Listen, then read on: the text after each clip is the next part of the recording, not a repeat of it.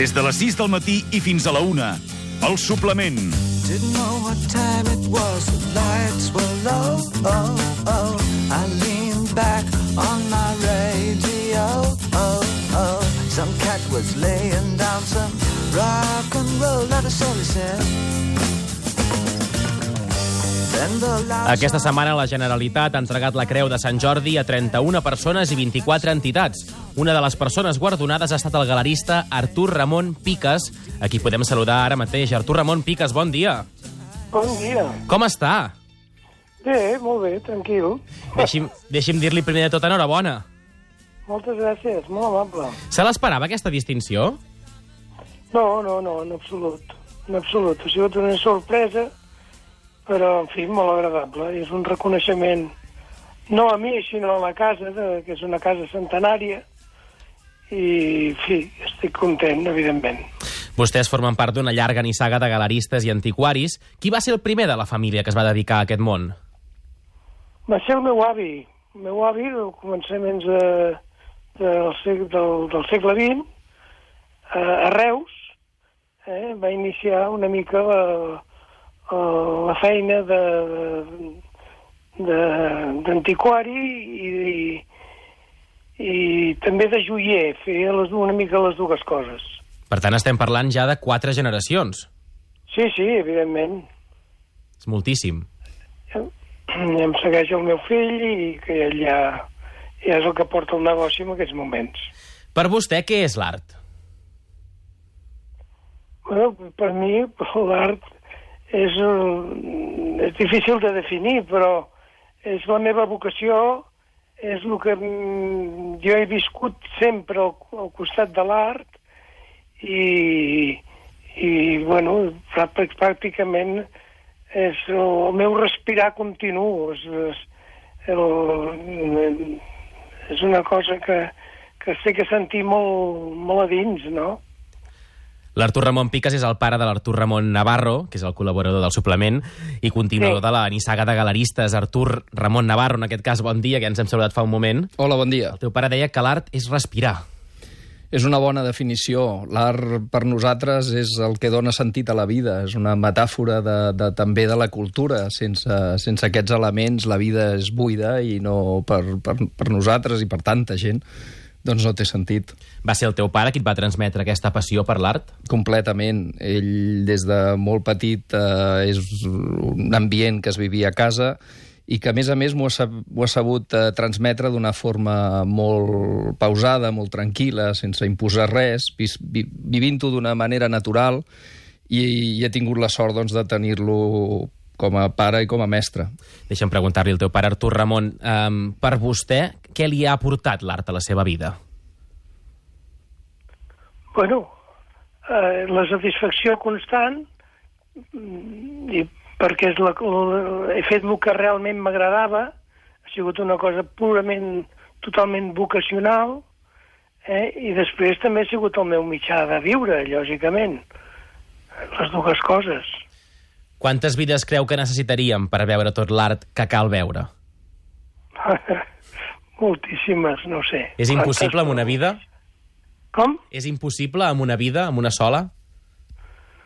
Bueno, jo crec que és insuficient una vida. L'art és... Eh, és difícil de, de definir, però no, no ho sé. Artur Ramon Piques, enhorabona una altra vegada per la Creu de Sant Jordi i moltes gràcies per atendre'ns al suplement aquest matí. Moltíssimes gràcies, molt amable. Fins aviat. Bon dia, bon dia.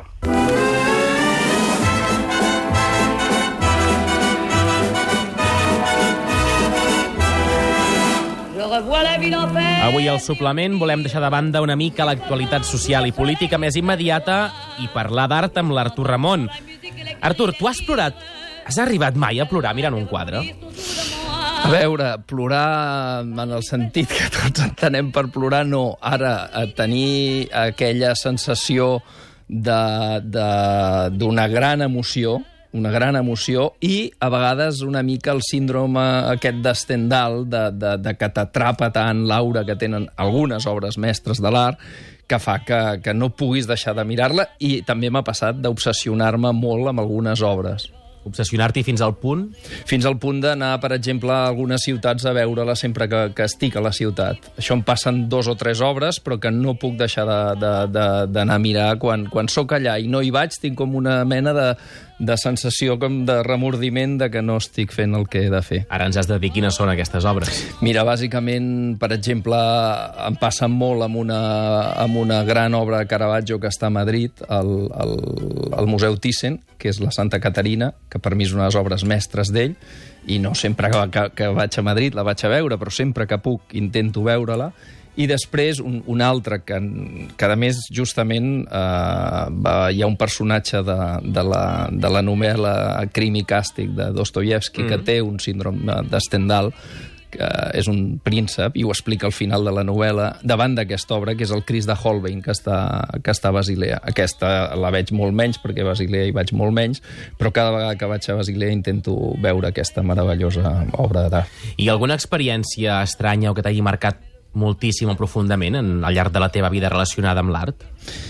A mi el que potser més m'ha marcat ha estat el descobriment de, de mestres que, que no coneixia ja des de jove, doncs, endinsar-me amb alguns artistes que després he tingut la sort doncs, d'estudiar-los de, de, a fons, però que ha sigut una revelació.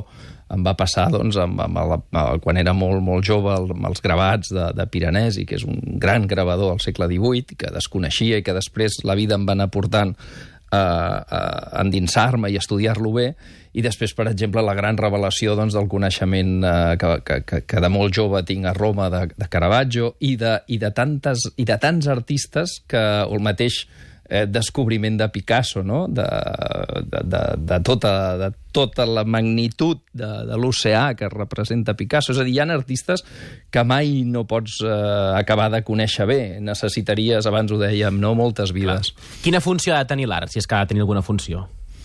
Jo crec que l'art és, eh, per sobre de tot, un, un, un mitjà que t'ha de, com tants eh, mitjans de tipus cultural, que t'han de donar una, un contingut i, una, i, i inclús et poden donar en temps eh, difícils doncs una mica són antídots contra, contra moments complexes. Jo, per exemple, he tingut èpoques com tothom a la meva vida més o menys complicades i amb l'art i amb la cultura en general. També, també ho podria extendre a la literatura, a la filosofia, a la música.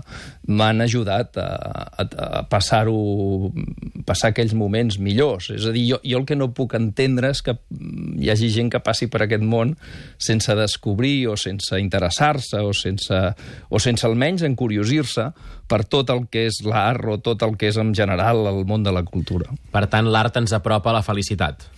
L'art per mi és una mena de simulacre, la felicitat. La felicitat mai és complerta, perquè l'ésser humà doncs, eh, està en un món en el que sap que, que, que té, un, té un final i que, per tant, doncs, viu sempre amb aquesta angoixa. Però hi ha algunes, alguns eh, aspectes del món que, que ens permeten doncs passar-ho millor o passar-ho d'una forma més contingut, no? L'art seria com una mena de fe laica, de, com una religió laica, que et permet doncs, eh, passar per aquest món doncs, amb, amb més plenitud. És el que la Marina Rosselló ens deia, la cultura cura.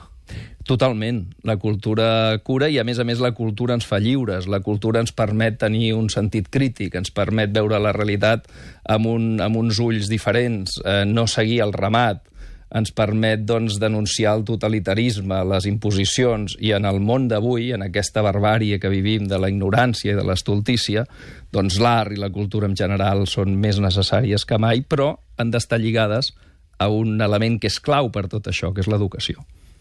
L'art també ha de servir per fer-nos preguntes, segurament.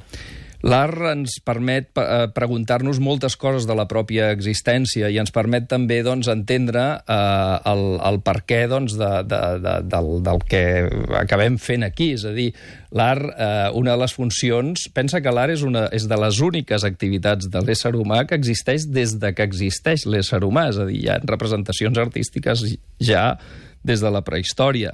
Pintures rupestres. Les mateixes pintures rupestres que tenen una, una funcionalitat diferent a la que tindrà l'art, potser més màgica, potser, eh, en fi, mm, té uns altres components, però l'art sempre ha estat vinculat doncs, a les grans passions de l'home, a, la, a, les, a les grans creacions, a la pròpia religió, a, a tants aspectes doncs, de la vida social i cultural de la humanitat i, per tant, eh, sempre s'ha interrogat. Hi ha molts tipus d'art. Hi ha un art que aspira a la bellesa, però també hi ha un art que denuncia eh, fets eh, polítics. Eh, per exemple, doncs, el Guernica no deixa de ser un gran manifest d'aturar les barbàries i, i, i, les, i les guerres. No? I l'art ha sigut tan important en moments, eh, sobretot, molt, molt complexes de la humanitat.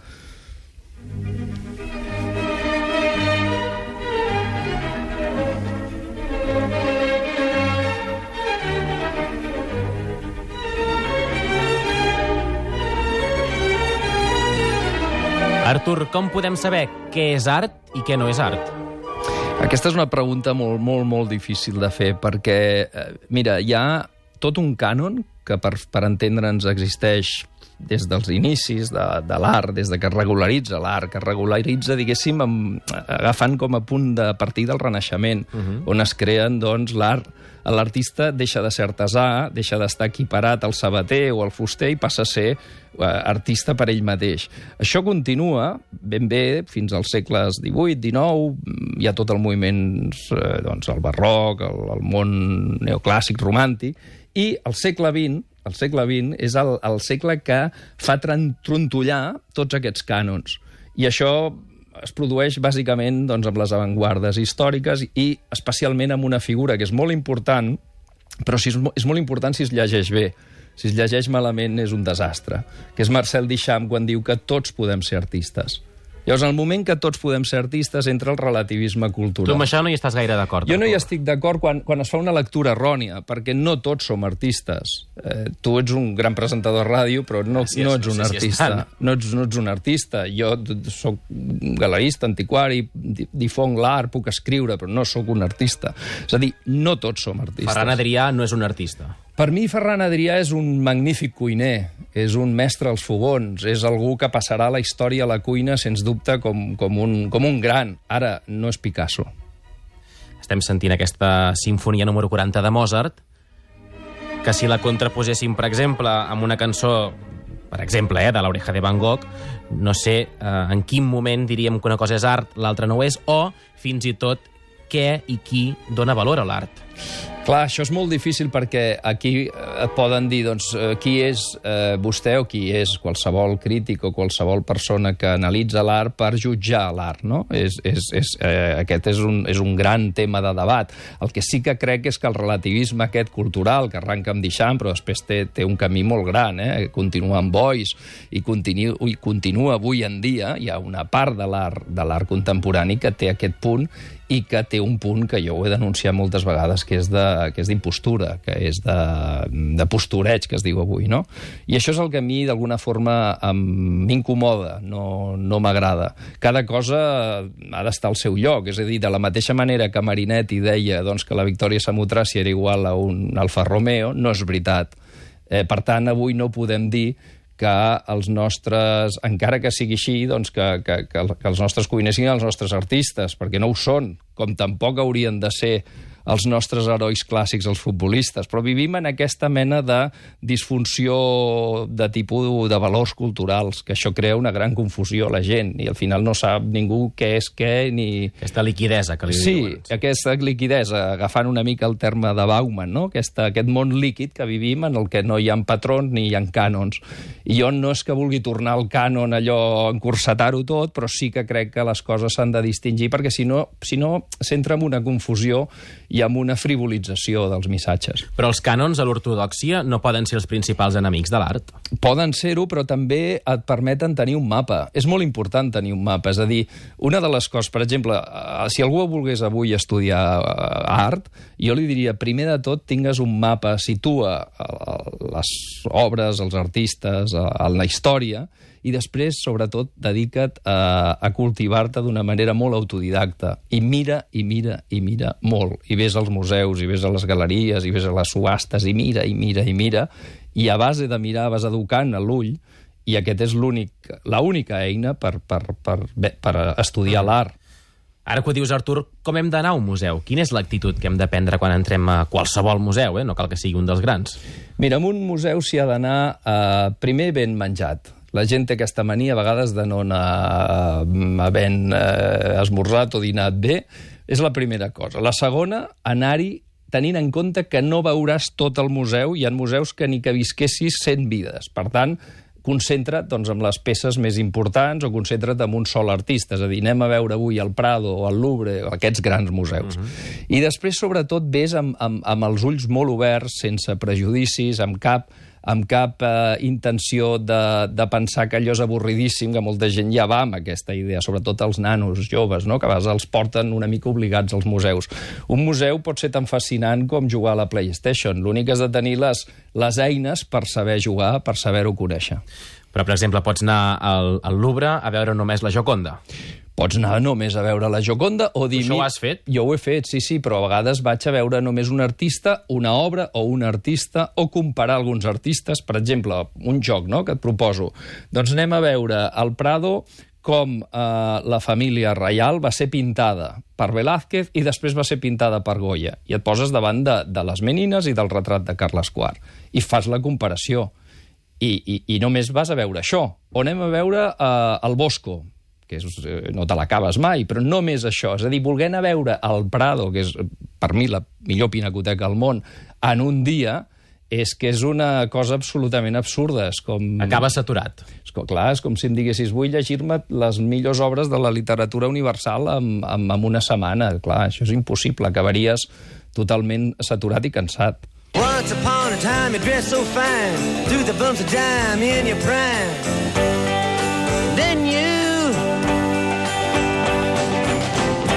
Call, say beware doll, you're bound to fall. You thought they were all kidding you. Artur, tu ets galerista d'art. Quina és aquesta feina? Mira, jo és una... Saps què passa? Que jo, en el fons, no sóc això. Jo sóc antiquari. El que passa que, com és una paraula que està tan ma mal portada, Antiquari, doncs, imagino aquella persona que Sí. recull un rellotge vell d'un Això, contenidor i es això. dedica a restaurar-lo. i que té 80 anys, no? Doncs no. Antiquari és el que reconeix les identitats, el que les estudia, el que porta les obres, les treu de l'anonimat i les porta al flux nou del mercat. Però és una paraula que està, diguéssim, tan, tan frivolitzada que no s'utilitza i s'utilitza la de galerista, que queda com més eh, contemporani. Sí. Uh, jo, diguéssim, em, em considero més antiquari, encara que també doncs, tenim una galeria i, per tant, hi han facetes del galerisme, però sobretot el que, el que m'interessa a mi és tota la faceta, diguéssim, de, del que és eh, el, el comerç de l'art, que és el que em dedico, bàsicament, però sense desvincular-ho de la difusió de l'art i, de la, i del poder contribuir a explicar i animar la gent a, a que entrin en el món de l'art. Ets un prescriptor, també podríem dir. Completament. És que crec que no pot ser una cosa sense l'altra. És a dir, tu, si no, dedica't a una altra cosa. És a dir, si tu... Això és quasi com, una, com, com, com parlàvem abans, com una religió. Si tu no ho sents i no tens aquesta fe, eh, no pots dedicar-te a, a comprar i vendre i després no voler-ho explicar. O almenys em sembla que és una posició poc poc honesta, és a dir, és millor doncs, dir doncs, tot això que, que, que he après amb els anys o que he conegut i que ho sento amb passió, intentar transmetre-ho i transmetre-ho eh, a través doncs, de, dels mitjans eh, que, que avui t'ho permeten fer, com hem estat fent aquí el suplement, amb el repte, a més, de, de poder explicar l'art sense, Sense veure'l, veure'l, que això. Veritablement no és fàcil. Crec que ho hem aconseguit una mica. Jo, almenys ho hem intentat. Les coses s'han d'intentar. Després els resultats la gent ho dirà, no? I els oients són els que han de jutjar-nos. Però ho hem intentat fer-ho i crec que és important tot això. Ara parlaves del comerç de l'art, abans també dèiem com es valora i com es dona valor a aquest, a aquest art, a, la, a les pintures, a l'escultura. Uh, no sé si hi ha alguna altra manera de fer-ho uh, que no sigui només amb els diners.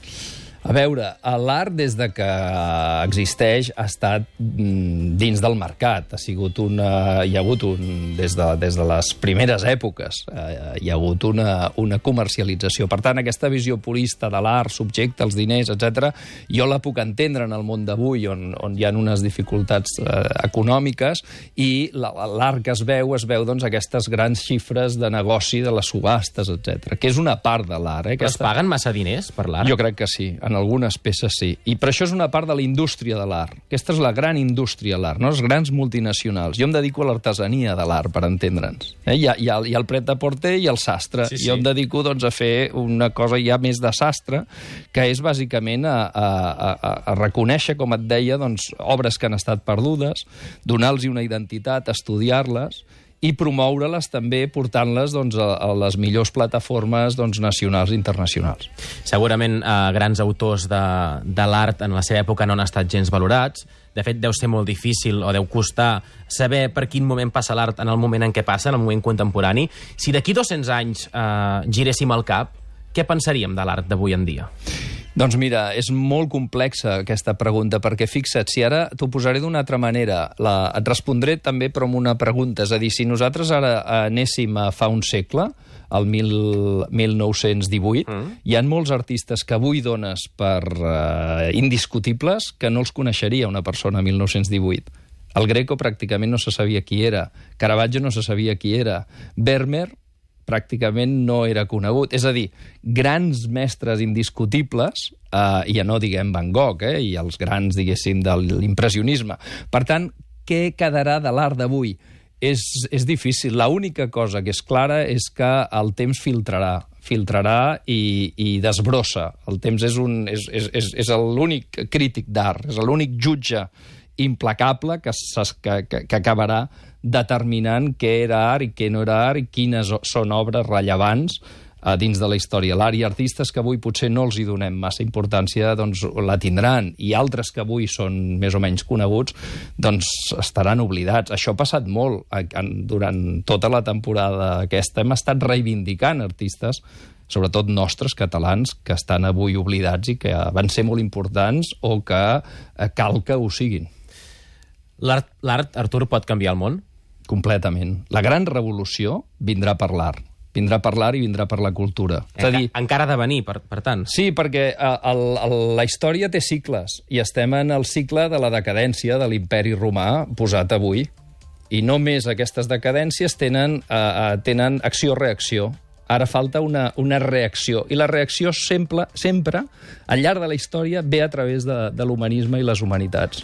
Doncs esperarem que vingui a través de l'art. Artur Ramon, un ple que aquest últim dia de suplement, aquest diumenge 22 de juliol, ens hagis acompanyat, que haguem deixat la política de banda i haguem pogut parlar de vida, haguem pogut parlar d'art, que al final és el que ens omple, i com deies tu també, és el que ens fa feliços. Jo us ho agraeixo molt i vull aprofitar també per agrair-vos eh, que m'hagueu permès obrir aquesta finestra i, i, i poder explicar als oients l'art a través de la ràdio, que ha estat un repte i, un, i una gran satisfacció. Gràcies per ser-hi, un ple i una abraçada ben forta. Fins ben aviat.